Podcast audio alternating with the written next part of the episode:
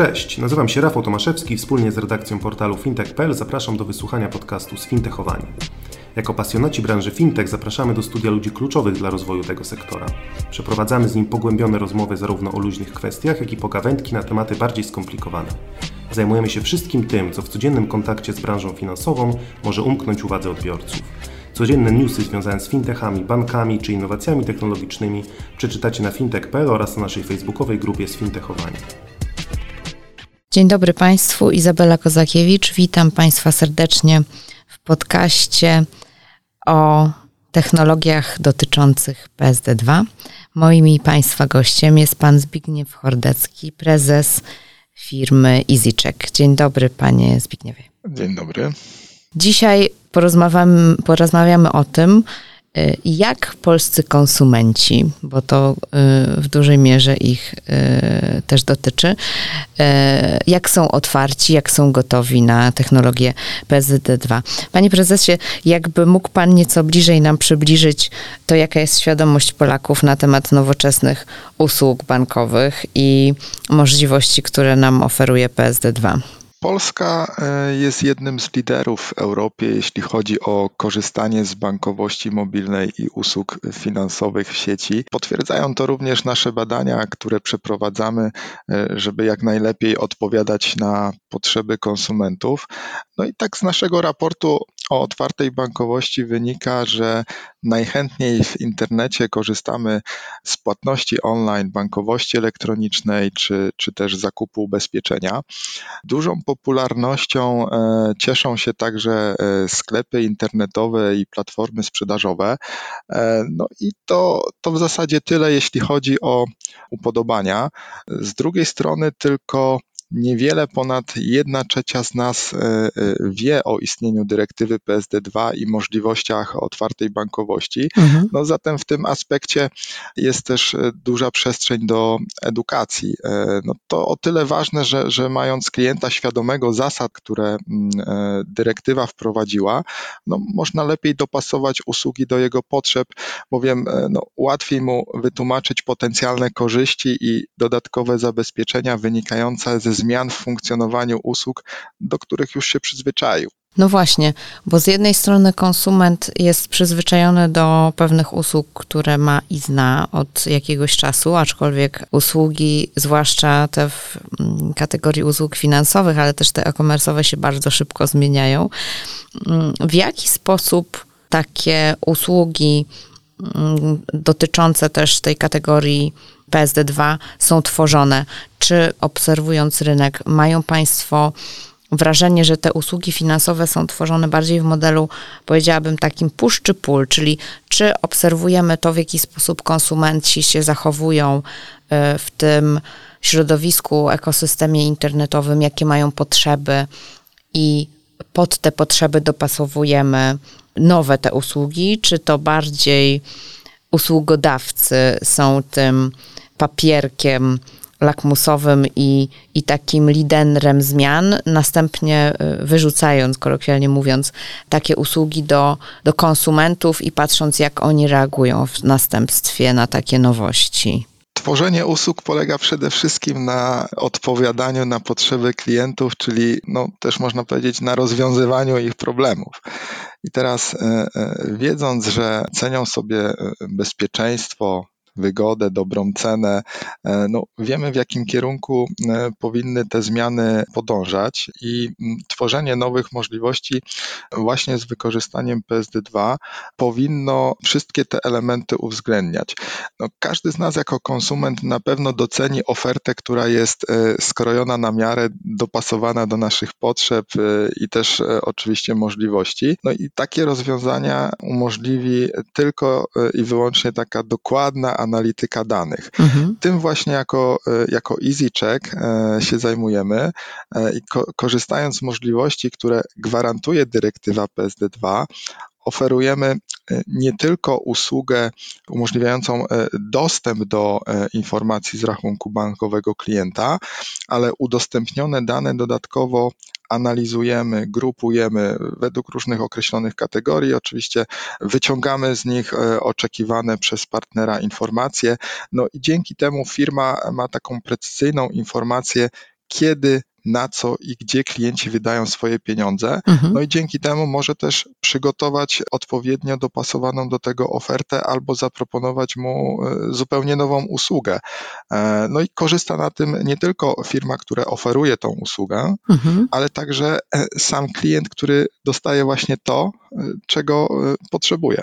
No właśnie, bo wspomina Pan o tej analizy, analityce danych, dużych albo bardzo dużych zbiorów danych, które określa, określają konsumenta mm, dokładnie, w jaki sposób on się zachowuje, jakie może mieć ryzyko dla, dla portfela takiego usługodawcy.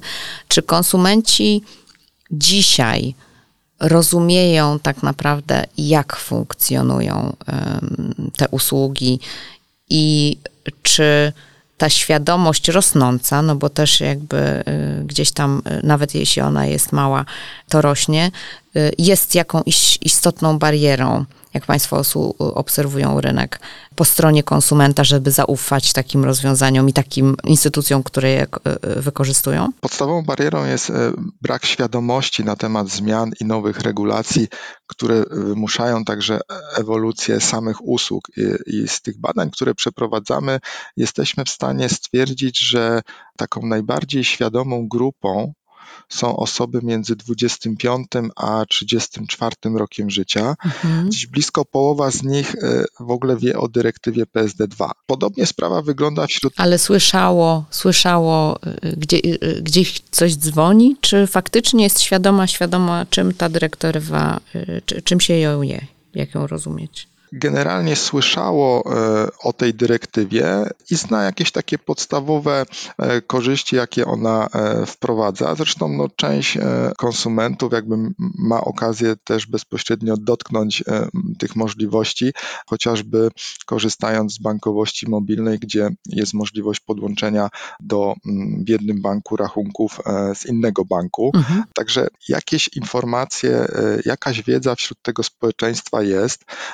Z drugiej strony też to, gdzie konsumenci mogli przekonać się mm, o wprowadzeniu dyrektywie, dyrektywy PSD2, jest sam fakt zmiany e, sposobu logowania do banków, gdzie dyrektywa wprowadziła też e, silne uwierzytelnienie. Także każdy, kto ma bankowość mobilną, e, bankowość internetową, mógł tej dyrektywy już, czy skutków jej dotknąć, Natomiast no, nie każdy oczywiście jest świadomy, że to jest akurat dyrektywa PSD2. A jeśli chodzi o tą starszą grupę, bo wspomniał Pan, że ci, którzy są najbardziej świadomi, to ci, którzy pewnie też najbardziej aktywnie testują takie nowe rozwiązania. Jeśli chodzi o tą starszą grupę, w jaki sposób, no bo to też są osoby, które mimo wszystko mają y, zasób kapitałowy i oszczędności większe, więc oni też z punktu widzenia być może nie pożyczkobiorców na przykład, ale też y, użytkowników innych usług są dosyć atrakcyjnym konsumentem. W jaki sposób Państwo widzą możliwość edukacji tego typu konsumenta, który jest mniej online'owy, bym powiedziała, mniej w ogóle przekonany do, do tych rozwiązań, chociaż oczywiście pandemia dynamicznie to zmienia.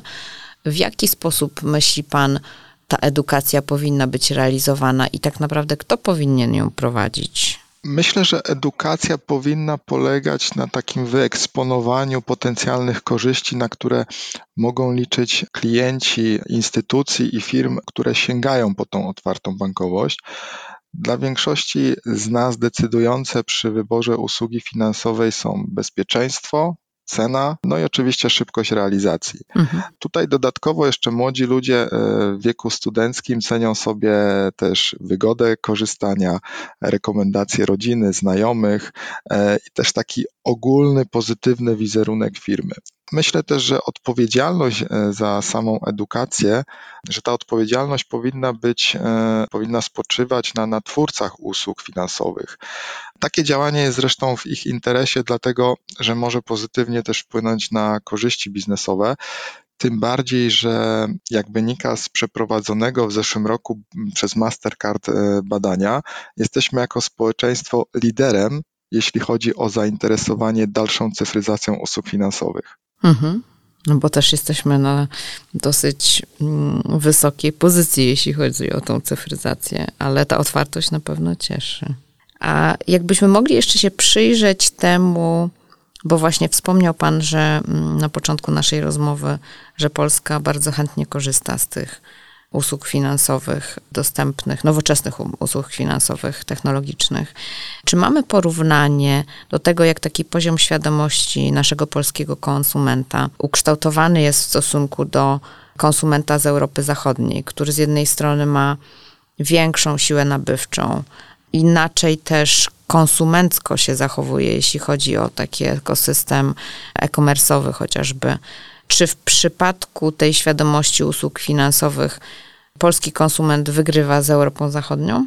Tutaj akurat takich badań rynku mm, e, zagranicznego nie, nie przeprowadzaliśmy. E, bardziej koncentrowaliśmy się tutaj na tym rynku, gdzie, gdzie my prowadzimy swoją działalność i bardziej porównywaliśmy poszczególne grupy wiekowe e, na naszym rynku Natomiast e, no, trzeba tutaj jakby podkreślić, że ten poziom rozwoju poszczególnych rynków e, europejskich, e, jeśli chodzi o otwartą bankowość, on też jest zróżnicowany. Tam akurat trzeba tutaj zaznaczyć, że najbardziej rozwiniętym rynkiem jest na pewno rynek Wielkiej Brytanii, gdzie ta dyrektywa funkcjonuje nieco dłużej mhm. i rzeczywiście po pewnym czasie dopiero, kiedy ona zakorzeniła się na rynku, no, to zaufanie do, do tych rozwiązań e, no, zostało wśród społeczeństwa e, zbudowane.